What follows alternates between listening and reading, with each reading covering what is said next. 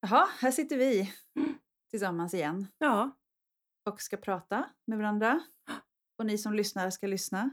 Ni får stänga av. Det är helt fritt. Och vilka är vi? Ja, vem är du? Jag heter Judith Fagrell. Eh, Jag är präst i Svenska kyrkan. Eh, I Skara stift finns jag. Eh, Har varit präst nu i eh, många år nu. 16, 17 år Mm, har jag ja, varit i jäklar. tjänst församling. Eh, Ja, skribent. Det är du. Och sen så Ja. nu håller du på vidareutbilda dig inom teologi på något vis. Ja, men på väg- precis. på Jag håller på- forskning kanske? Ja, men precis. Jag håller på och eh, skriver masteruppsats i Mm. teologi. Så får grotta ner mig ännu mer i teologi. Det är underbart. Ja, på Lunds universitet. Ja. Och jag heter Sofia Lille Jönsson och är kulturskribent, musikvetare i grunden, musikkritiker och ehm, har sysslat mycket med kyrkofrågor. Och ingen som hör det här vet inte redan om det, tror jag. Ni vet vilka vi är. Annars välkomna. Vi är här för att ha gedigna samtal om kyrkan. Mm. Breda samtal om kyrkan och ganska djupa idag. Mm. Vi vill liksom sträcka ut lite och prata om saker som har dykt upp i medierna och som hela tiden dyker upp i verkligheten. Mm. Som man vill göra mer av än att bara skriva en artikel. Mm. Liksom, för det blir så kort, man ska alltid bara välja bort saker. Nu får, vi liksom chansen att sträcka ut, tänker vi oss. Så vi ska ha de här samtalen eh, i poddform som ska släppas under hösten nu. Mm. Och eh, det är väl det. Och vi kommer inte säga förväg vilka ämnen vi har. Det är lite olika ämnen som vi kommer ta upp. Och de kommer gå in i varandra. Det kommer de göra. Och så får vi se Eh, vart samtalet leder oss också. Ja, precis. Och man kan säga att ämnena, om man säger någonting om ämnena så är det ämnen som vi delvis har berört på olika sätt förut i olika forum. Men också en del ämnen som man nästan kan säga är som spaningar. Ja. Spanarna. ja. ja vi får se.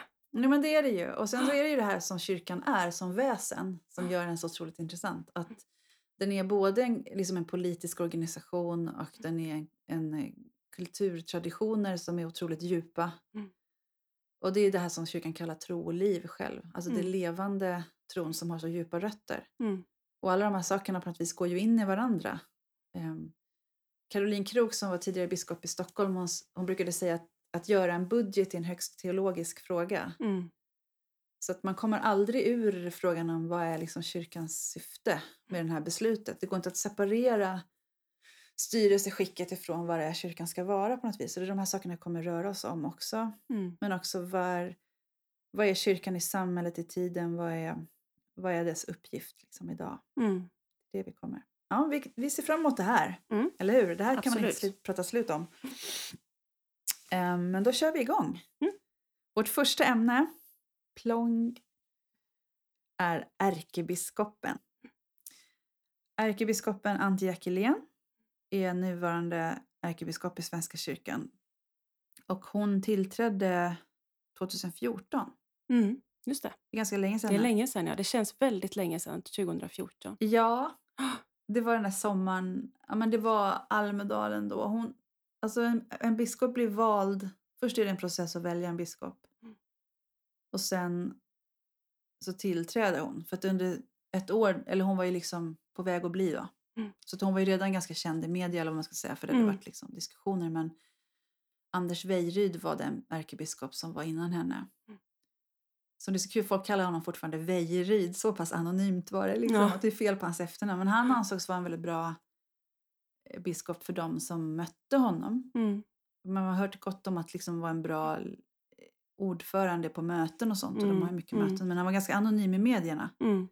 Så när Antje Jackelén kom och tillträdde i mitt i sommaren tror jag, 2014.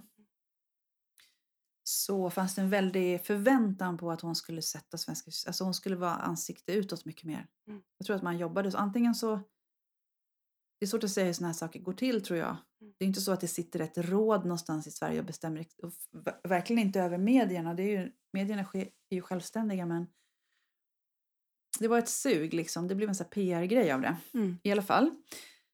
Antje, jag ska inte ta hela hennes bakgrund för jag ska inte bara prata om henne heller utan jag vill prata om själva ärkebiskopsrollen. Mm. Men eh, det som hände då när hon tillträdde var att hon väldigt direkt första månaden typ fick pris i Almedalen. Ja, just det. Almedalsveckan, eh, då finns det någon PR-byrå där som är stor eh, som heter Vestander. Mm. Och varje år delar de ut ett pris som heter Hetast i Almedalen. ja, Ja. och så skickade de ut ett pressmeddelande och sen så här, och sen så tog det som hände, och då fick Antje Jackelén det. Och det var liksom en snackis, hon är ny. Mm. Jättestor grej att hon var som en kvinnlig ärkebiskop, vilket kändes väldigt stenålders att göra en grej av, men det blir som en nyhet. Och sen så skickade de ut det och ett, ehm, eh, vad ska jag säga, Vestander är en PR-byrå. Mm. TT plockade upp den här nyheten och gjorde en nyhet och jag skrev liksom rakt av från deras pressmeddelande. Eh, det- stod så här, Antje Jackelén har på kort tid blivit en samlande röst för, för kyrkan och bla bla. De, de sa Mm. det som en sanning. Mm. Har någon skrivit en text igen så kommer det ut som nyhet. Det blir väldigt så här, det här är inte journalistik känner Nej. jag. Som från journalistiskt håll så blir jag bestört därför att kyrkan behöver verkligen fria medier. Mm. Samhället behöver fria medier. Det här är, det är lätt att tro att kyrkan bara är någon liten gullig, alltså man, folk är naiva. Mm. Det är Sveriges största organisation. Det Mm. behövs liksom fristående journalistik och att man ger ett pris där priset handlar om att boosta sig själv på något sätt. Och får hon, då får de lite så här fin symbolik kring sig, jag vet inte. Det här, jag kan ranta på här men då, då skrev jag en debattartikel efter det på Mm. Brännpunkt i Svenska Dagbladet om, om det här priset. Eh, rubriken blev Nya biskopen bör lyssna på kyrkans kritiker och det här är alltså 2014 den 12 juli. Mm. Jag läser lite från den artikeln. Mm.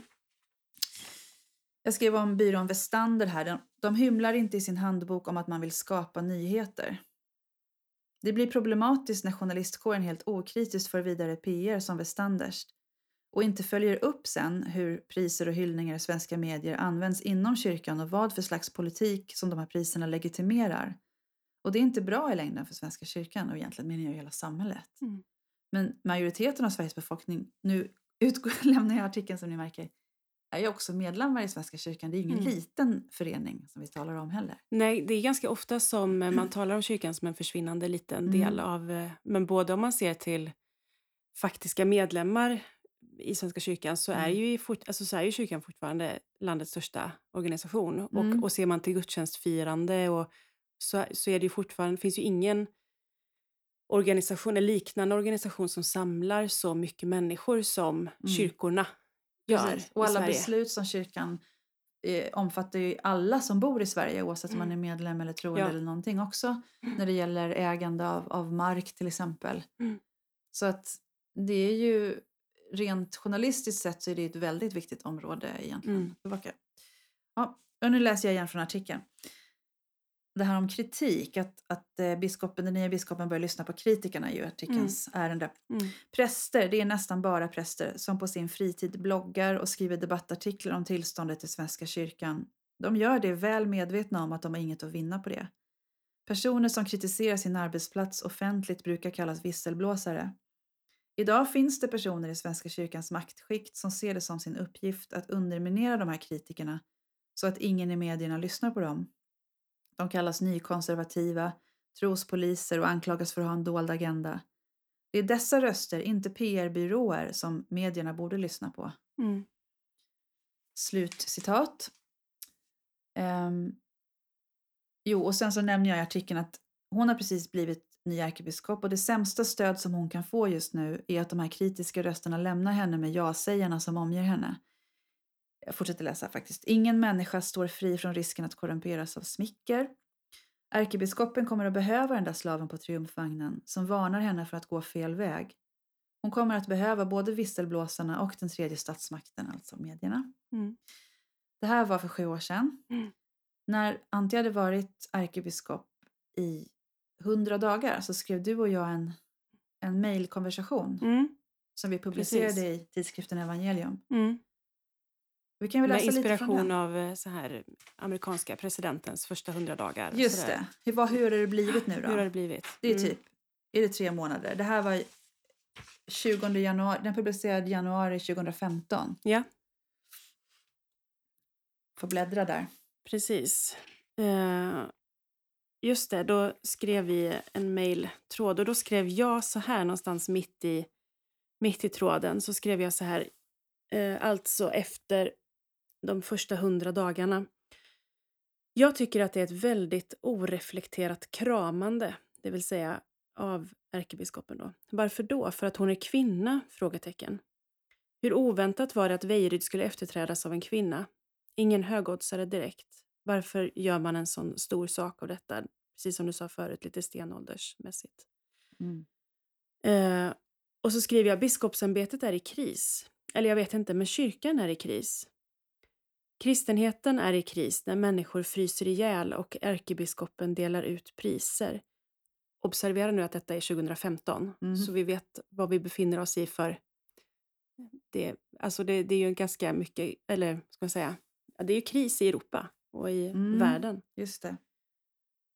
Och så har jag skrivit inom parentes här efter att jag har kritiserat ärkebiskopen delar ut priser. Det här kommer jag få höra. Mm. Eh, och jag svarade i texten då. Och hon får priser. Hetast i Almedalen. De delar ut priser till sig själva också. KG Hammar fick ju något som heter Silverkeruben. Jag kommer att tänka på filmen Annie Hall där Woody Allen spelar den neurotiske New York-komikern Elvis Singer som måste dela ut ett pris på en gala i Los Angeles, en stad som han hatar hjärtligt. These people do nothing but give out award awards. Greatest fascist dictator, Adolf Hitler. Och så svarar jag, det är inte Antjes fel såklart. Men hon är en del av ett system och borde se det. Hon är ju intelligent, jag förstår det inte. Tjusar makten så? Man blir smickrad när man får en utmärkelse och det känns ju konstigt att tacka nej. Men till och med Obama blev ju besvärad av att få Nobels fredspris precis efter att han hade tillträtt. Det var inte bra för hans politiska läge att bli så håsad. Silverkeruben. Menar du att KG tog emot den? Ja, jag tror det var teologifestivalen i Uppsala ledd av hans syster som delade ut den. Han blev årets förnyare i Svenska kyrkan också eh, av Visby domkyrkoförsamling och kyrkans tidning för några år sedan. Det enda ordet som borde finnas i en biskops ordbok. Nej. Allvarligt talat, de behöver en slav på triumfvagnen. Mm. Hur var det nu? Slaven på triumfvagnen, ja. Jo, precis. Och sen så fortsatte jag. Biskoparna jobbar stenhårt och är kompetenta personer med viktiga uppdrag. Det är nog därför jag blir så arg över sådana här saker som nu på Idrottsgalan. Och då hade eh, ärkebiskopen delat ut pris Mm. på Idrottsgalan. Biskoparna får aldrig bli som anden i lampan som flyger upp så fort någon stryker den lite fint. Puff till er tjänst. Eh, och när de... Eh, just det. Mm. Precis, att det som hände kring Antti Jackelén precis i tillträdet första ett eller två åren kanske, min bild av det. Mm. Man skulle kunna titta artikelsök eller göra någon avhandling om det här men jag orkar inte. Men min liksom, uppfattning av vad som hände där. Nu har hon varit ärkebiskop i sju år då. Mm. Att ehm, hon hade väldig medvind. Mm. Alla tidningar, Femina och alla möjliga så här ville göra porträtt. Det var nästan ingen av de artiklarna som var så initierade och det är, heller också, det är också helt omöjligt på sätt och vis. Även om det skulle komma en reporter som kan jättemycket om kyrkan så Mm. det är ett personporträtt. Man vill ha lite info liksom om henne, lite personligt också på något sätt. Redan där så mullrade, liksom rollen grumlades. Mm. Alltså den, det beslutet som kanske inte tog så medvetet vid ett enda tillfälle men det fanns ändå en väldig vilja ifrån Svenska kyrkans kommunikationsavdelning och jag tror från Antje själv från många förväntan Mm. eh, om att det är väldigt... Hon fick ju, alltså en av de sakerna som ansågs... Hon fick kommunikationspriser för att hon twittrade. Mm. Det ansågs väldigt bra att hon twittrade. Mm. Hon är inte särskilt driven twittrare sådär som en del som hänger och liksom flyter runt och surfar på vågorna på något vis och diskuterar och är med i trådar och går in i andras trådar och sånt. Utan det hon gör är att hon, sk- skickar ut tweets ibland och sen så svarar hon ibland på dem. Det är lite så. Mm. Hon är inte så mycket så att hon går in i andra konversationer. Så hon är inte så där, vilket inte jag heller begär på något vis, men hon är liksom inte så här, hon lever inte på Twitter, men hon var ändå aktiv där. Mm. Och det ansågs som väldigt positivt och Björn Wiman som är kulturchef för Sveriges största dagstidning Dagens Nyheter utropade. Hon fick ett so eh, sommar i P1 så den sommaren så pratade hon i P1, det var precis då, Mm. 2014. Och efter det så utropade han hon är min nya idol. Och då tänkte jag så här, om skulle DNs politiska chef säga så om en ny Mm. eh, liksom ledare för Sveriges största organisation eller Mm. alltså det, så, det finns en naivitet från me- mediernas sida om vad, en, vad ett religiöst samfund är för någonting. Mm. Det är fortfarande det här statskyrkotänket att vi är så hemma i Svenska kyrkan och många är medlemmar så att det är liksom en gulligare form av organisation och det är den kanske. Det är inte som att jag tänker att det finns en dold agenda om att ta över världen och vara elak Mm. hos någon liksom, i Svenska kyrkan men det är inte så professionellt från mediernas sida. Hur som helst, Antje hade en väldig medvind, det fanns väldigt mycket smicker, det var väldigt positivt på Twitter, hon fick väldigt mycket delningar och uppmärksamhet. Eh, och sen vände det vid något tillfälle och det, jag kommer inte ihåg vilket år det var, säg att det var 17 eller någonting. Så dog, det var en präst i Frankrike som hette Jacques Hamel Mm. som blev mördad framför altaret i sin kyrka. Mm. Av en så här islamist som skar halsen av honom. Och det blir ju ett religiöst kulturkrig på något vis. Det är en väldigt så kraftig symbol att det kommer någon islamist och skär halsen av en präst i en kyrka. Mm. Som det var, var absolut avsikten hos mördaren. Och då så twittrade inte Antje första dygnet typ. Nej. Det var slutet av juli. Det är väldigt mycket industrisemester även i kyrkan. Mm. Och fick kritik för det. Plötsligt så kom det en ny kritik på ett annat sätt. Mm. Och under de här åren så har också, i min uppfattning, vågorna av ehm, invandrar, an, invandringskritik vuxit. Det finns liksom en hel flod av det på Twitter, ett eget, Mm. ett eget flöde som Mm. mm. sköter sig själva. De har inte brytt sig om kyrkliga frågor tidigare. Nej. Men plötsligt så var det genom att de upptäckte att någon skrev kritik mot att svenska kyrkan... För det som uppfattades var att Antje Akilén från sitt biskop Antje-konto inte twittrade ut eh, ett fördömelse av det här dådet. Mm. Uppfattades som att Svenska kyrkan inte hade markerat. Nej, precis. Så den, det kan man i sig ifrågasätta ifall den symbolpolitiken, symbolpolitiken ger någonting överhuvudtaget. Vem är inte emot ett bestialiskt mord? Mm. Liksom. Det är väldigt slag i luften på sätt och vis. Men om man nu vill ha en officiell re- eh, reaktion så kan man fråga var ska, varifrån ska den komma och på vilket sätt? Mm. Men då hade Twitterkontot biskop Antje blivit så pass etablerat så det var någon som kunde ge den kritiken. Mm. Och det kom in i politisk diskurs liksom. Mm. Och då, upptäckte, då som jag uppfattade det så, uppfatt, så upptäcktes det kontot av det här flödet av människor som ägnar hela dagarna åt att tolka allting ifrån, så här Mm, ointressant mm. vinkel tycker jag, men Mm. ifrån liksom, på vilket sätt har det här med invandringen att göra? Mm. Och då fick hon den första vågen av kritik och hat av, från det gänget. Mm. En helt annan sorts, den är inte inomkyrklig kritiken. Eller den, liksom inte, den kommer verkligen ifrån att du är för islamister ungefär. Väldigt liksom mm. rå kritik och väldigt svepande och felaktig. Och det gjorde ont eh, så pass att Antje skrev en debattartikel efter några veckor. Mm. Också i Svenskan tror jag. Hon skrev att det känns som att bli avrättad. Twitter känns som en avrättningsplats. Mm. Skrev hon. Mm. Vilket var ganska magstarkt med tanke på att det var ju den här kyrkan som hade varit en avrättningsplats Mm. för den här prästen. Och så Mm. tycker vår ärkebiskop att Twitter någonstans är det ändå inte Mm. riktigt samma nivå. Liksom. Men det var den första nivån av att Antje in, fick en backlash på Twitter. Mm. Mm. Sen kom hon tillbaka till Twitter och twittrade igen. Och nu under våren så har hon slutat twittra för någon annan våg av kritik som kom. Mm. Och den blev ju också ganska uppmärksammad. Ja, det blir jätteuppmärksamma. Mm. Och tagits upp i, på alla möjliga ställen har jag Mm. hört. Mm. Och där, där folk tycker att det är så hemskt, hur ska, ska man inte kunna twittra? Vad har hänt med det liksom, offentliga samtalet? Det är ju en aspekt av det. Och så är det ju kanske, men jag kan också säga så här, för varenda negativ grej hon har fått på Twitter Mm. så har hon fått tio, alltså hon har fått orättfärdig kritik kan man säga. Om man tar de allra värsta som säger så här att hon är, hon är inte kristen. Mm. Eller sån här, Mm. så här verkligen Mm. alltså påståenden som inte stämmer. Mm.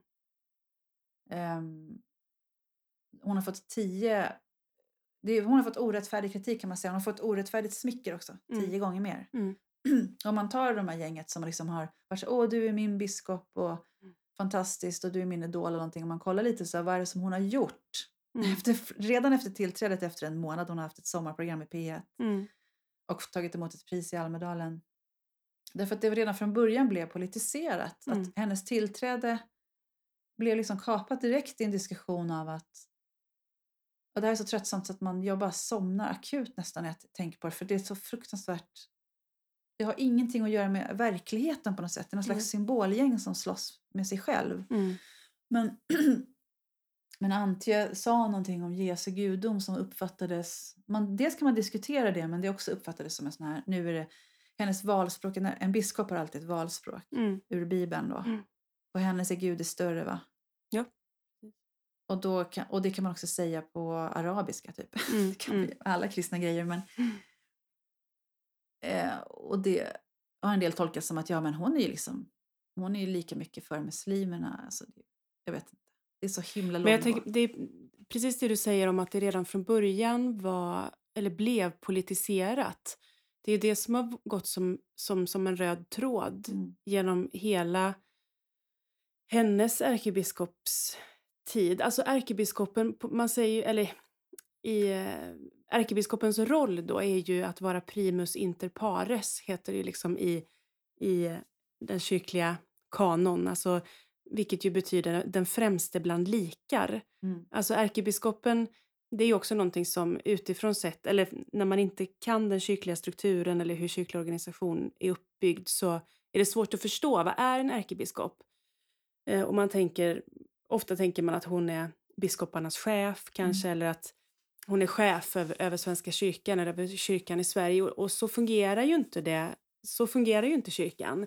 Utan hon, hon är den främste bland likar. Hon är en biskop precis som de andra biskoparna, men hon har en hon har eh, ett, ett samlande ämbete. Mm. Alltså hon är ju representanten internationellt och sådär. När, Mm. eh, men, men hon är inte formellt någons chef och kan inte, har inte varken större eller mindre befogenheter än någon annan biskop egentligen. Eh, men, men hon har naturligtvis oerhört mycket symbolisk makt. Mm, precis. Informell. Ja, eh, och ehm, i- samband med, alltså samtidigt som eh, om, man, om, man, om man säger att Veijeryd var mer anonym medialt sett så sammanfaller ju också Jackeléns eh, ärkebiskopstillträde med sociala mediers Mm. eh, explosion eller framväxt. Mm.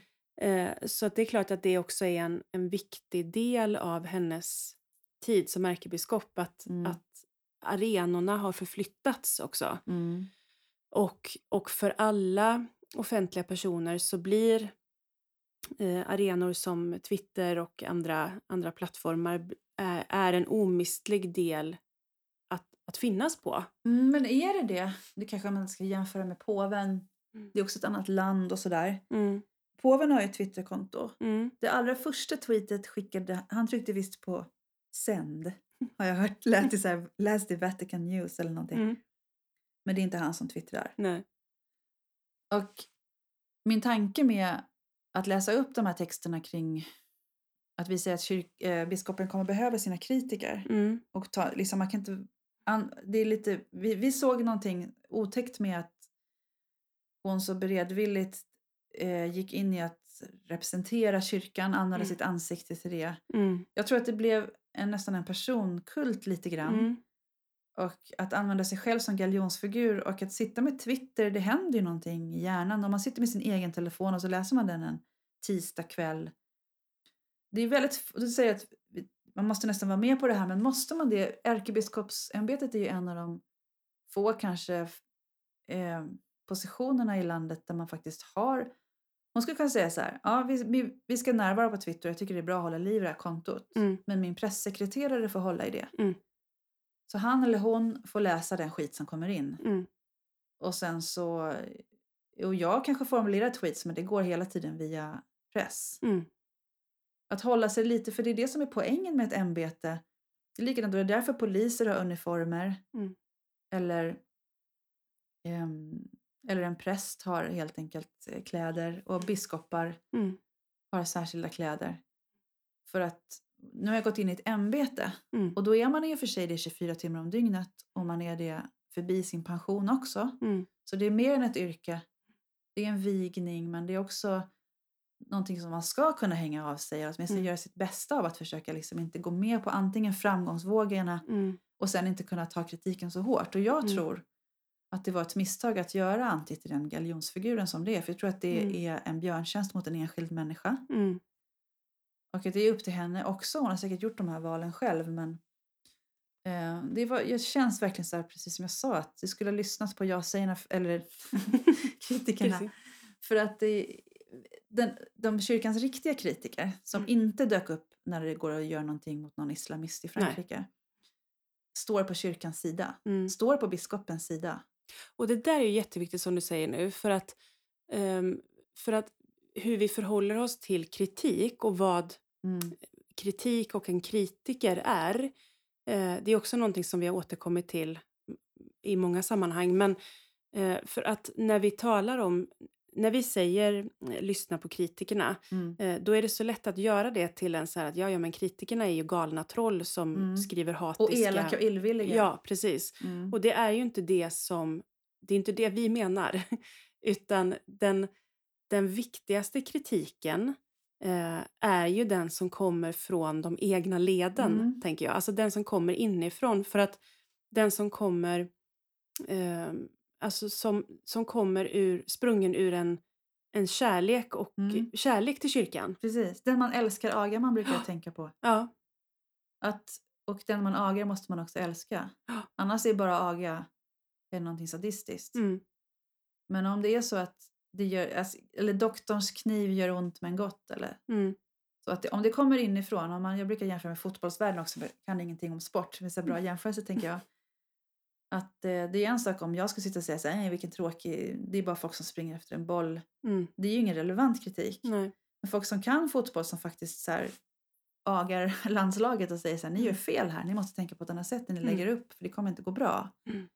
Det är ju välvillig kritik. mm, Men det är Svenska kyrkan och det är väl ett maktproblem, det ligger i människan. mm, Men kyrkan har heller inga bra ordningar för att lyssna på kritik utan har aktivt byggt bort det Ja. på många olika sätt. Så både kulturellt, socialt liksom i kyrkliga sammanhang och i formerna. Alltså Mm. kyrkan har ju till exempel ingen kulturtidskrift. Mm.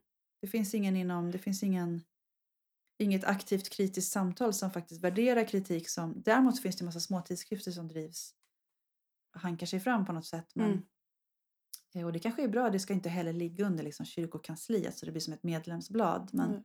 Man kan tänka sig att Sveriges största organisation som är också den äldsta mm, med kulturtraditioner skulle vilja aktivt driva mm, kritiska samtal. Ehm, men det är precis det man inte gör. Och jag fick ju heller, så intressant, jag fick ju inget svar där på Brännpunkt. Jag skrev liksom en debatt där jag var ju så här, en av, av text, eller jag skriver i texten också att jag, jag ser fram emot, hon var väldigt uppsnackad mm, biskop Antje och att hon, hon är forskare och att hon skulle vara en intellektuell biskop och så. mm. Och efter Weirud som jag också har gott intryck av, men han var ju väldigt anonym just och hade försökt Mm. få med honom i att han skulle skriva evangelium och hans aldrig ja. Mm, Och eh, då så såg man fram emot att ha en, eh, en samtalspartner på något sätt på Mm. ärkebiskopsstolen. Mm. Men vi fick inte något svar ifrån Svenska kyrkan utan det var PR-byrån Westander som svarade. Just det.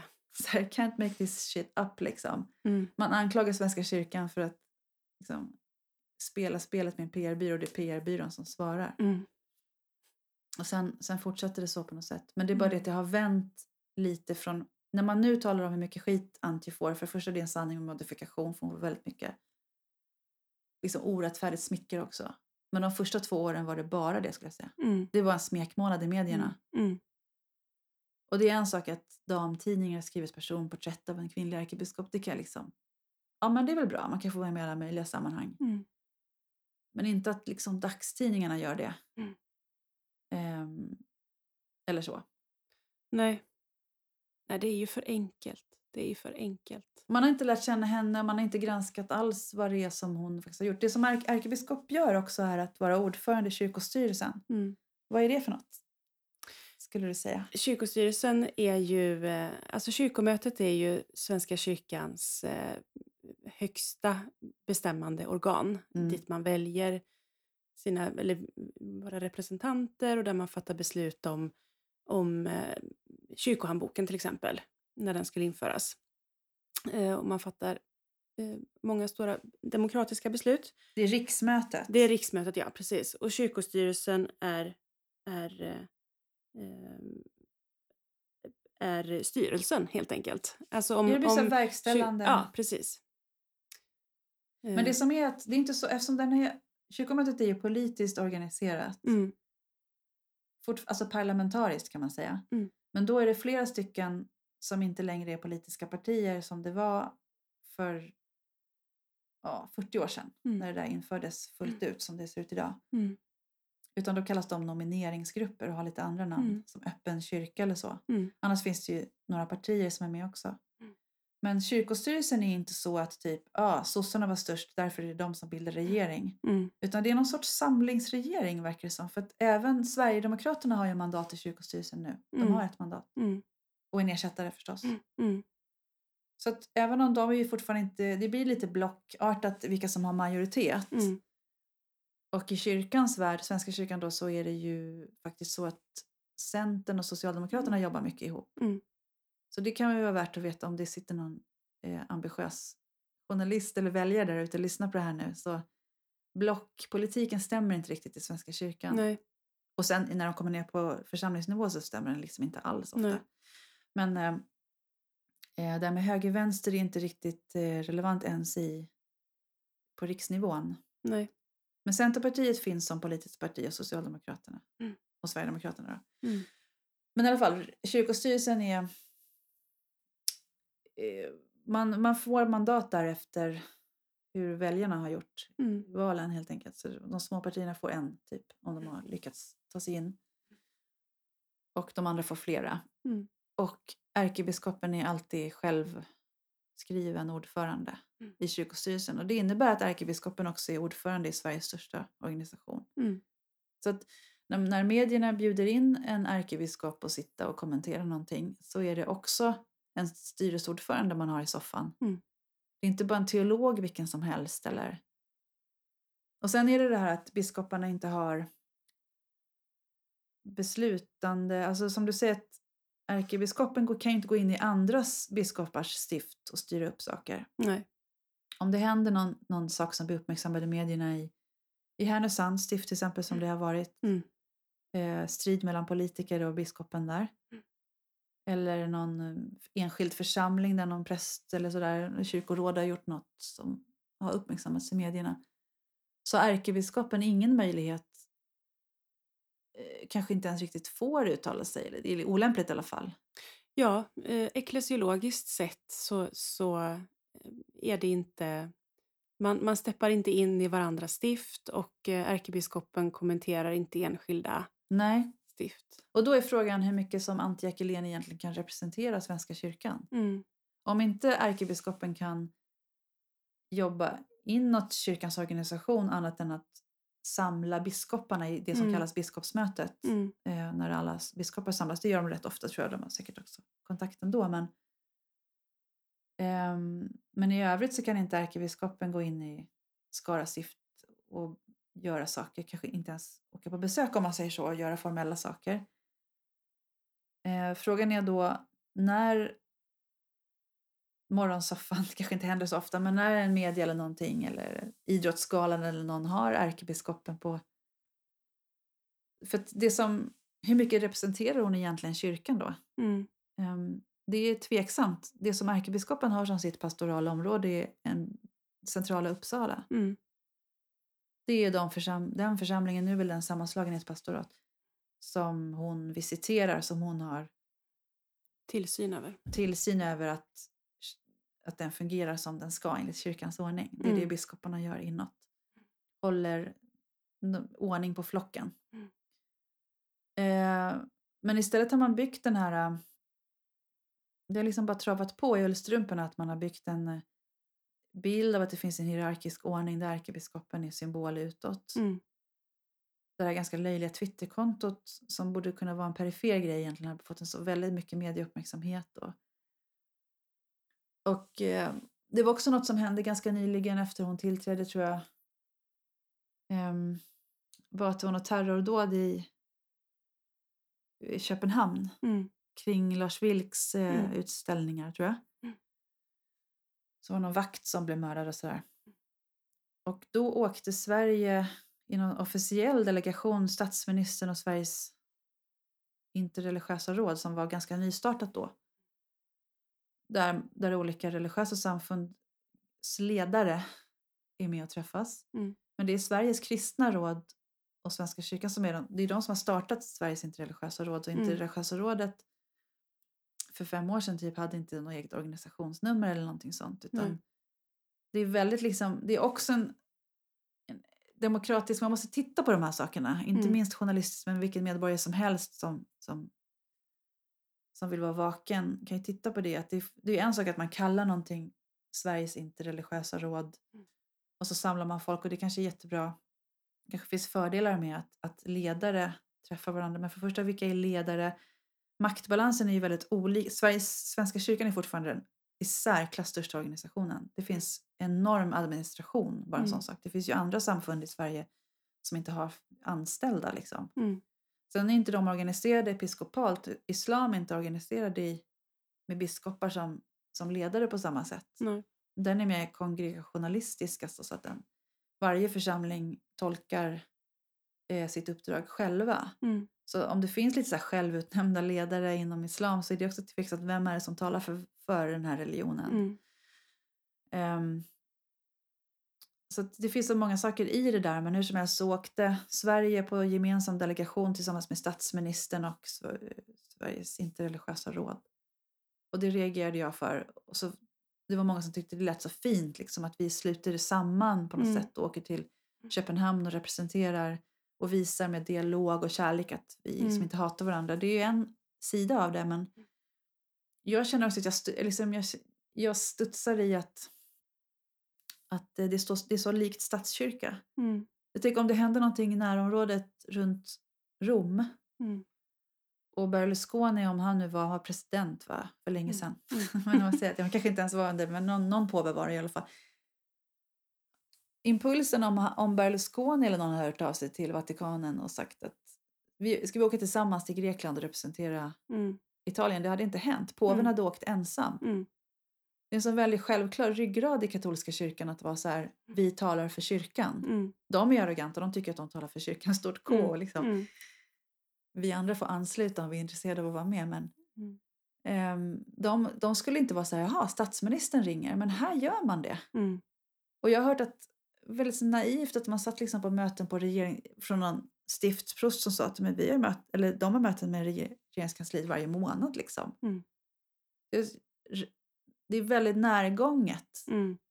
Och det är väl precis det där som, som ehm, Svenska kyrkan står i hela tiden. Att, att eh, nu har det gått 21 år sedan eh, de förändrade relationerna till staten. Mm. Men, men, och massa formella saker har förändrats. Eh, men, eh, men självbilden är eh, inte förändrad fullt ut. Mm. Eh, alltså, formella saker har förändrats. Eh, många människors bild av Svenska kyrkan har förändrats, inte minst genom att, att det är mycket färre medlemmar idag än för 20 år sedan och 30 år sedan. Men, men Svenska kyrkans egen självbild har inte gått i takt. Eller förändringen av självbilden har inte gått i takt. Mm. Och då tänker jag eh, utifrån ärkebiskopsrollen, alltså eh, några frågor utifrån det vi har sagt här nu. Så tänker jag dels, vad innebär det att lyssna på kritiker? Alltså på vilket sätt ska man lyssna på kritiker? Mm. Alltså vad, vad ska man göra med den? När vi säger så, lyssna på kritikerna, Mm. vad, vad tänker vi att Jacqueline ska göra? Liksom, Ja. vad, vad ska hon göra av det? Eh, och, sen, eh, och sen också att ehm, vad, är det möjligt att vara representant för Svenska kyrkan? I vilken mån kan man vara representant? Alltså, ska man representera... Ska, ska ärkebiskopen i sin person representera alla olika falanger? Eller alltså på Mm. vilket sätt ska man, kan man anses representera kyrkan? Eh, och där är det intressant eftersom man talar om eh, Ja, visst, ärkebiskopen är vald på ett specifikt sätt och biskoparna är valda på ett sätt eh, och vigda till sitt ämbete. Men, men vi talar ju om biskopsämbetet som, som enhetens ämbete. Eh, det är en väldigt viktig, viktig eh, del av, av biskopsrollen att vara eh, Eh, inte bara symbol för enheten utan eh, ja, aktivt verka för enheten. Eh, enhetens ämbete, det är också någonting som, som eh, på olika sätt har problematiserats de senaste åren. Alltså på vilket sätt kan man eh, säga att biskoparna verkar för enhet och, vi, och i vilken mån kan man, kan man kräva och hur ska det, hur ska det se ut? Hur ska Mm. denna enhet se ut? Mm. Ja, det är ju en fråga. Ska, ska biskopen vara som en lite så här vag mellanchef som ställer som är mån om att fråga om, alla mår bra och har ni fått kaffe? Ställer fram vindruvor i personalrummet. Men inte vågar ta konflikterna. Just det. Och då utvecklas ju istället en massa småpåvar. Ja, precis. Eller ska biskopen kunna vara ganska starkt präglad eh, i sin eh, teologiska tradition? Och, Mm. ehm, hur ska den vara? Hur ska en människa vara? Mm. Det är ju en människa för det första. Mm. Så att jag menar, man måste ju få person och ämbete måste ju få flyta samman också. Mm. Ingen kan ju begära något annat. Det är ju härligt med människor som är sig själva. Ja. Jag tyckte väldigt mycket om KG Hammar. Det var innan jag kom Mm. in i kyrkan på Mm. riktigt. Då var jag medlem dock. Men, Mm. men det var så typiskt att jag inte, då hade jag ingen koll. Mm. Då var jag med och röstade och grejer. Mm. Men från håll lite där så fick jag väldigt bra intryck av KG Hammar. För mig var ju det någon, det var väldigt eh, eh, trovärdigt med en människa som var intellektuell Mm. och kristen. Mm. Jag tyckte att, för jag kom inte till tro när jag var 30 så Mm. innan dess så tyckte jag var aldrig en sån här Saulus-person som var emot Gud och höll på och bråkade och tyckte att det var dumt att tro på det här. Utan jag var mer att det var lite onödig grej och lite dumt. Att Mm. kristna var lite dumma. Så här, Mm. okej, okej. Mm. Det där har de ärvt från sin mamma tänkte man. Eller Mm. så här, mormor eller något. Mm. Men så kommer såna här personer in i ens liv som KG Hammar till exempel. Och säger så man kan Mm. inte avfärda sådana människor för man märker att de har tänkt. Mm. Mm. Och han hade ett språk också. Men han dök väl upp i tv ibland och pratade om Dag Mm. Hammarskjöld och sånt. Mm. Jag tror att jag bara kände stort förtroende för honom. Jag tror att han är Mm. Lätt att missuppfatta var det en präst som sa. Det tror jag också att dels har folk blivit arga på honom. Mm. Och dels så tror jag att det var många som tyckte om honom som missuppfattade åt annat håll också. Mm. Att de har, han har gett väldigt mycket utrymme för att liksom kasta ut barnet med badvattnet. Mm. Har jag förstått i efterhand. Mm. Han kanske inte var världens bästa samlande ledare som för enhet. Nej. Det verkar som att det uppstod konflikter under hans tid. Mm. För mig som bara var en så vanlig medborgare som läste DNs kultursida typ. Mm. så var han toppen. Mm. Men då kanske jag inte hade så bra koll.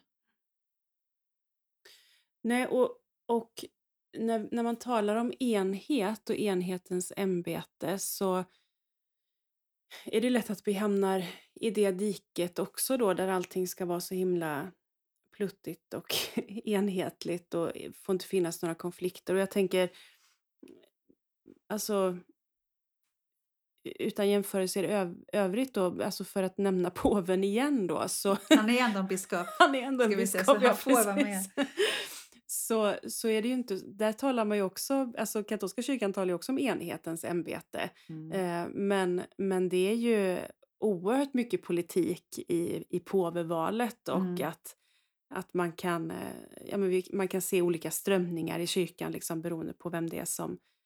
Eh, att, att Franciscus är, är eh, alltså, i, i motsats eller, eller en reaktion på Benedictus. Och, och så har det naturligtvis alltid varit att man, att man, man väljer en ledare mycket i relation till Mm. ledaren man har haft innan.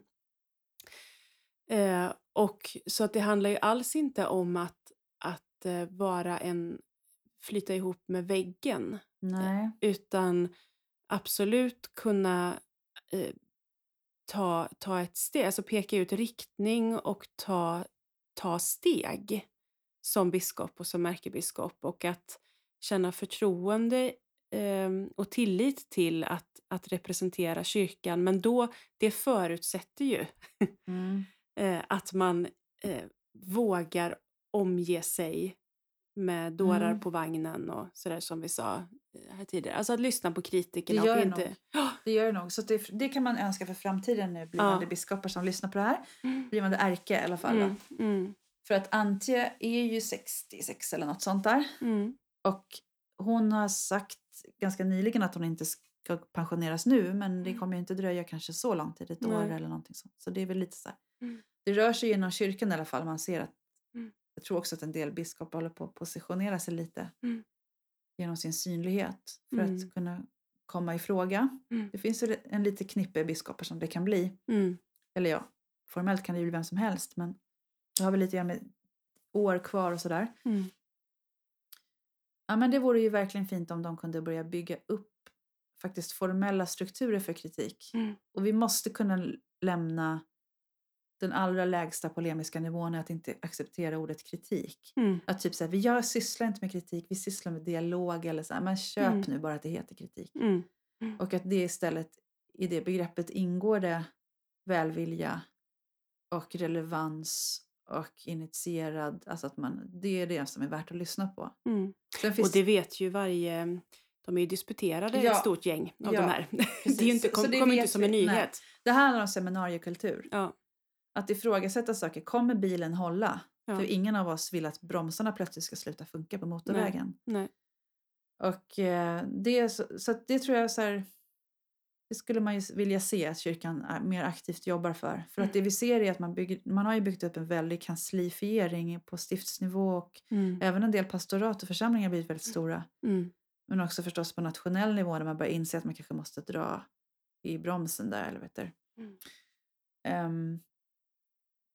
Men vad ska man göra istället då? Det, ja, vi behöver ett kritiskt samtal på olika sätt. mm, Titta på hur det ser ut. Mm. Och inse att människan har svårt för att formulera kritik. Det, de flesta kommer inte våga det. mm, Utan det, istället, det som händer är att det blir så skitsnack och sånt där. Det uppstår saker på Facebook-trådar och Mm. det blir inte någon gladare av. mm, Våga liksom lyssna på dem som faktiskt, även om man, det är jobbiga jävlar som skriver bloggar som är Mm. så här Dag Sandahl typ eller liksom, han kanske bränner sina skepp. Men jag har skrattat ihjäl mig när jag läste hans mm, inlägg och han har mycket relevant att komma med nu är han liksom pensionerad. Men eh, det kommer ju hela tiden komma ny kritik därför att så, det- så är världen. mm, Och det, allt det här finns ju i Bibeln för övrigt. Det är bara att följa, mm, följ Bibeln. Nej men det skulle man vilja. Mm. Och sen om det kommer nästa ärkebiskop förstås ehm, skulle man vilja se hur, hur någon som tänker vad ska kyrkan vara om 20 år? mm, Inte så här, vad har kyrkan varit de senaste 20 åren? nej. Jag läste, eh, min lokaltidning är ganska aktiv inför kyrkovalet nu Mm, och gör så här stora intervjuer med varje, eller inte alla kanske, men många led, de som ställer upp på listorna. mm, Lite ambitiöst, det är roligt att läsa. Och eh, då var det en, eh, en av led, så här, kyrkofullmäktige politiker som ska bli vald som, som nämnde att det är bara en intervju, hon kanske hade sagt många fler saker men i alla fall det stod i tidningen som ett pratminus att det är väldigt viktigt att kyrkan hänger med i sin tid mm, så att, eh, den inte, så att kyrkan inte håller på att predika för folk om Herrens tukt och förmaning. mm, Och då tänkte jag så här, ja eller så är det precis det den ska. Är det så Mm. illa då att prata lite om Herrens tukt, och förmaning? mm, Därför att vi lever 2021. Mm. Det- Man hör aldrig talas om Herrens tukt och förmaning. Det Nej. kanske är dags. Mm. Men, och det, det första ledet av den meningen, det är viktigt att kyrkan hänger med i sin tid. Mm. Ja, mm. Men vilken tid? Ja, vilken tid? Är, Mm. det, är det 1790 nu? Mm. Nej, det är Nej. inte det. Vi, har, vi, är liksom, vi är befriade ifrån Mm. överhetskyrkan. Det vi kanske behöver är en kyrka som predikar Herrens tukt och förmaning för politikerna. Mm, Vi behöver en kyrka som kan vara just det saltet i samhället. Mm. Som vågar göra Stefan Löfven nervös. mm, Inte som han kan ringa. Mm. Eller som du säger, eh, gnider på anden i glaset och så kommer en biskop fram. mm. Mer som heliga bitar. Ja, som, just det, som, Som kommer liksom tar, upp. Då. tar påven i örat. Liksom. Just det. Ja. Och det kan ju, det är klart att det blir jobbigt. Det kan ju bli så här Luther-läge. Men eh, om makten är väldigt eh, stenhård så blir det ju så. Då spricker det. Mm. Men eh, så att ja, kyrkan ska hänga med i sin tid. Och då måste ju vara- kyrkan ha en aktuell samtidsanalys. Mm. Om vad det är för någonting. Och en sån ärkebiskop eh, skulle vara kul att se nästa gång. Mm. Som Varsågod och träd fram. Varsågod och träd fram. Nu har ni fått jobbeskrivningen. Nej, men jag ska inte säga så. Men Antje har väl, jag tyck, de som tycker att hon valde rätt strategi skulle nog säga att det var det hon gjorde. Så det är klart att det är Mm. alltid, man ska inte vara så här gift med tidsandan Mm. heller. Det är inte lätt kanske att navigera alltid. Nej. Men ja. Och sen kan man väl säga så här, vad man än kommer välja för väg om man är en ämbetsbärare så kommer man få kritik. Det får man också Mm. hantera. Absolut. Att, hade hon valt att inte twittra och varit så här, nej jag ska inte vara med på det här. Mm. Då hade jag kanske fått kritik för det. Mm. För, för till syvende och sist så är det, alltså det, det är fruktansvärt med orättfärdig, alltså och, och orätt, Mm, eller alltså, elakheter. elakheter Ja. och hat. Och alla offentliga människor i princip får ju, stå, alltså får ju ta det Mm. idag på något sätt. Men, men och det, det är en sak. Liksom, trollen är en sak. Men, men eh, att utsättas för kritik och att stå i, i, eh, i vindfånget eller i blåshålet. Mm. Eh, det är ju också så att ärkebiskopen är, man kan säga att det är ju högst i näringsskalan. Mm. Alltså, det, det kommer mycket makt till... Mm. Alltså det, det kommer mycket makt med den rollen till Mm. den personen. Eh, och mycket, människor med mycket makt ska ju utkrävas ansvar. Ja, just det, precis. Alltså precis, att det finns... På Göteborgs konstmuseum här Mm. så finns det en fascinerande gammal målning av en ärkebiskops en, med ett avhugget huvud på ett fat. Mm. Alltså då tänker de första, det är ett martyrembete. Mm. De första biskoparna korsfästes upp och ner och sånt. Mm. Vilket är fruktansvärt givetvis. Nu markerar jag mot det, jag är inte för det. Men det vet ju alla präster och biskopar. Mm. Att det här är ett ämbete man pryglas i på sätt och Mm. vis. Mm. Eh, och det finns en risk att bli smickrad och det finns en risk att bli pryglad. Mm.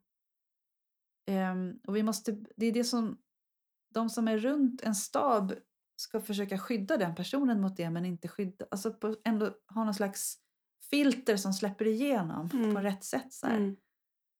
Och det filtret är inte offentligheten. Nej. För att det bara slängas ut i offentligheten, det är ganska hård värld. Medierna är så här, man är en stjärna när man har gjort någonting som blir viralt. Mm. Och då är man, jag, jag har ju själv haft så bild byline i tidningar och sånt. Mm. Det är ganska läskigt om man inte varit med om det. eh, Hur det är att vara offentlig så i tidningar eller sånt. Man blir miss, misstolkad och sådär. Det är liksom, det är väldigt speciellt. Man måste bara helt enkelt backa ur och inse att det är en slags persona som de ser dem. Det är Mm. inte jag själv Mm. riktigt. Mm.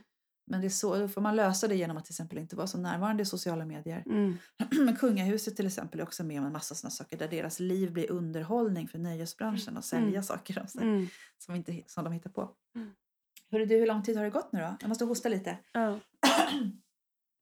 Men jag tror att vi kanske rundar av här. Ärkebiskops... Eh, precis. Vi Ärkebiskopssamtalet. plockar upp det om vi hittar något mer som dyker upp. Men det är vad vi, vi hoppas inför framtiden och vad vi tänker om de här sju åren. Mm. Ja, i alla fall någon liten bit av det. En liten bit av det.